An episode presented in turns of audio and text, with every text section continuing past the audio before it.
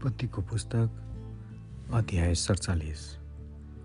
तब भित्र गएर योसेफले फारोलाई भने मेरा बुवा र दाजुभाइहरू उनका भेडा बाख्रा गाई बस्तु र उनीहरूका सबै थोक लिएर कनानबाट आएका छन् र अहिले उनीहरू गोसेन प्रदेशमा छन्। तिनले आफ्ना दाजुहरूमध्ये पाँचजनालाई लिएर फारो कहाँ हाजिर गराए। फारोले तिनका दाजु भाइहरूलाई सोधे तिमीहरूको कामधन्दा के हो? तिनीहरूले फारोलाई भने हामी हजुरका दासहरू हाम्रा पिता पुर्खादेखि नै गोठाला हौँ। उनीहरूले फारोलाई अझै भने हामी यस देशमा बसोबास गर्न आएका छौँ किनकि कनान देशमा घोर अनिकाल परेको हुनाले हजुरका दासहरूलाई भेडा बाख्रा चराउने काम ठाउँ भएन। अब बिन्ती छ कि हामी हजुरका दासहरूले गोसेन प्रदेशमा बसोबास गर्ने अनुमति पाऊँ। फारूले योसेफलाई भने तिम्रा बुवा र तिम्रा दाजुभाइहरू तिमी कहाँ आएछन्? मिश्र देश तिम्रै लागि अघि छ। देशको सबैभन्दा असल ठाउँमा तिम्रा बुवा र तिम्रा दाजुभाइहरूलाई बस्न देऊ। उनीहरूलाई गोसेन प्रदेशमा नै बस्न देऊ। उनीहरूमध्ये कति लायकका मानिसहरू छन् भने तिमीले थाहा पायौ भने मेरा गाई वस्तुहरू पनि उनीहरूकै जिम्मामा लगाइदेऊ। तब योसेफले आफ्ना बुवा याकुबलाई पनि फारोका हाजिर गराए। याकुबले फारोलाई आशीर्वाद दिए। फारोले याकुबलाई सोधे तपाईँको उमेर कति भयो? याकुबले भने मेरो प्रवासी जीवनको उमेर एक सय तिस वर्ष भयो। मेरो यस जीवनका वर्षहरू त थोरै र दुःखमय भएका छन् हजुर। मेरा पिता पुर्खाहरूले यस प्रवासको जीवनमा जति दिन उमेर खाएका थिए त्यति त अहिले मेरो पुगेकै छैन। अनि याकुबले फेरि फारोलाई आशीर्वाद दिए र फारोको उपस्थितिबाट निस्केर गए। तब योसेफले आफ्ना बुवा र दाजुभाइहरूलाई बसोबास गराए र फारोको हुकुम अनुसार तिनले मिश्रमा भएका सबैभन्दा असल ठाउँ अर्थात् रामशेष भन्ने इलाकामा उनीहरूका अधिकारमा जग्गा जमिन दिए। योसेफले आफ्ना बुवा दाजुभाइहरू र आफ्ना बुवाका परिवारका सबैलाई उनीहरूका बालबच्चाको सङ्ख्या अनुसार खानेकुरा दिएर उनीहरूको पालन पोषण गरे। घोर अनिकालले देशग्रस्त भएकोले गर्दा देशमा खानेकुरा केही थिएन। अनिकालद्वारा मिश्र र कनान दुवै देश ग्रसित थिए। मिश्र र कनान देशका मानिसहरूले अन्न किनेका सबै रुपियाँ योसेफले जम्मा गरेर फारोकै महलमा राखे।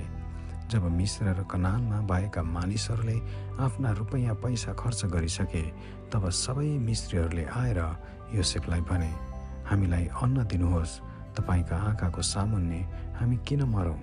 हामीसित भएका रुपैयाँ पैसा सबै सिद्धिए। योसेफले तिनीहरूलाई भने तिमीहरूका रुपैयाँ पैसा सिद्धिए भने गाईबस्तु ल्याऊ तिमीहरूका गाईबस्तुका सट्टामा म तिमीहरूलाई अन्न दिउँला। यसकारण तिनीहरूले आफ्ना गाई वस्तुहरू योसेफ कहाँ ल्याए र योसेफले तिनीहरूका घोडा भेडा गाई गधा आदिका सट्टामा तिनीहरूलाई खानेकुरा दिएर तिनीहरूको हेरचाह गरे। त्यस साल गाई वस्तुका सट्टामा तिनीहरूलाई तिनले अन्न दिए।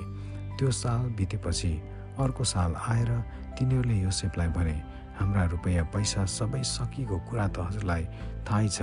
गाई वस्तुका बथान पनि सबै हजुरकै भइसकेका छन्। अब हजुरको लागि हामीसँग हाम्रै जिउ र जग्गा जमिन बाहेक अरू केही छैन। हामी हजुरको आँखाको सामुन्ने किन नष्ट हुने? हामी र हाम्रा जमिन पनि हामीलाई अन्न दिएर हाम्रा जमिन समेत हामीलाई किन्नुहोस् र हामी आफ्नो जग्गा जमिन समेत फारोका कमारा कमारी हुनेछौँ। हामीलाई बिउ दिनुहोस् र हामी जीवित रहनेछौँ।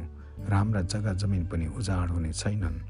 यसरी योसेफले मिश्रका सबै जग्गा जमिन फारोको निम्ति किने। त्यहाँ घोर अनिकाल परेको हुनाले सबै मिस्त्रीहरूले आफ्ना जग्गा जमिन बेचे। यसरी जग्गा जमिन फारोको भयो। मिश्रको एक छेउदेखि अर्को छेउसम्मका सबै मानिसहरूलाई तिनले कमारा बनाए। तब पुजारीहरूका जग्गा जमिन तिनले किनेनन् किनभने पुजारीहरूलाई फारोबाट अन्नको हिस्सा तोकिएको थियो र फारोले दिएकै हिस्साबाट तिनीहरूले खान्थे। त्यसकारण तिनीहरूले चाहिँ आफ्ना जग्गा जमिन बेच्नु परेन। योसेफले प्रजाहरूलाई भने हेर आज मैले फारोको निम्ति तिमीहरूका जग्गा जमिन र तिमीहरूलाई पनि किनिसकेको छु। अब तिमीहरूका निम्ति बिउ यहाँ छ र तिमीहरूले जमिनमा बिउ छ र तर फसलको बेलामा उब्जनीको पाँचौँ हिस्सा तिमीहरूले टक्र्याउनु पर्छ चार हिस्सा चाहिँ खेतीलाई बिउको निम्ति र तिमीहरू तिमीहरूका परिवार र तिमीहरूका बालबच्चाको खानाको निम्ति तिमीहरूका आफ्नै हुनेछन्। तिनीहरूले भने हजुरले हाम्रो प्राण बचाइदिनु भएको छ। हजुरको निगाह हामीमाथि रहोस्। हामी फारोका कमारा हुनेछौँ। यसैले मिश्र देशमा जग्गा जमिनको विषयमा योसेफले एउटा एन बनाए जो आजसम्म प्रचलित छ कि ज उब्जनीको पाँचौँ हिस्सा फारोको हुन्छ। बुचारीहरूका जग्गा जमिन मात्र फारोको भएन। अब मिश्रको गोसेनमा इजरायलीहरूले बसोबास गरे र तिनीहरूले त्यहाँका जग्गा जमिन आफ्नो अधिकारमा ल्याए अनि त्यहाँ तिनको फलिफाप भएर सङ्ख्यामा ज्यादै वृद्धि हुँदै गयो। यहाँको मिश्रमा सत्र वर्ष बाँचे याकुबको जम्मा उमेर एक सय सडचालिस वर्ष भयो इजरायलको मर्ने बेला आइपुग्दा तिनले आफ्नो छोरा योसेफलाई बोलाएर भने यदि तैँले मलाई श्रद्धा गर्छस् भने दया गरी तेरो हात मेरो तिग्रा मुनि राखेर म प्रति भक्ति देखाउँछु भने मसँग प्रतिज्ञा गर। तैँले मलाई मिश्र देशमा नगाड।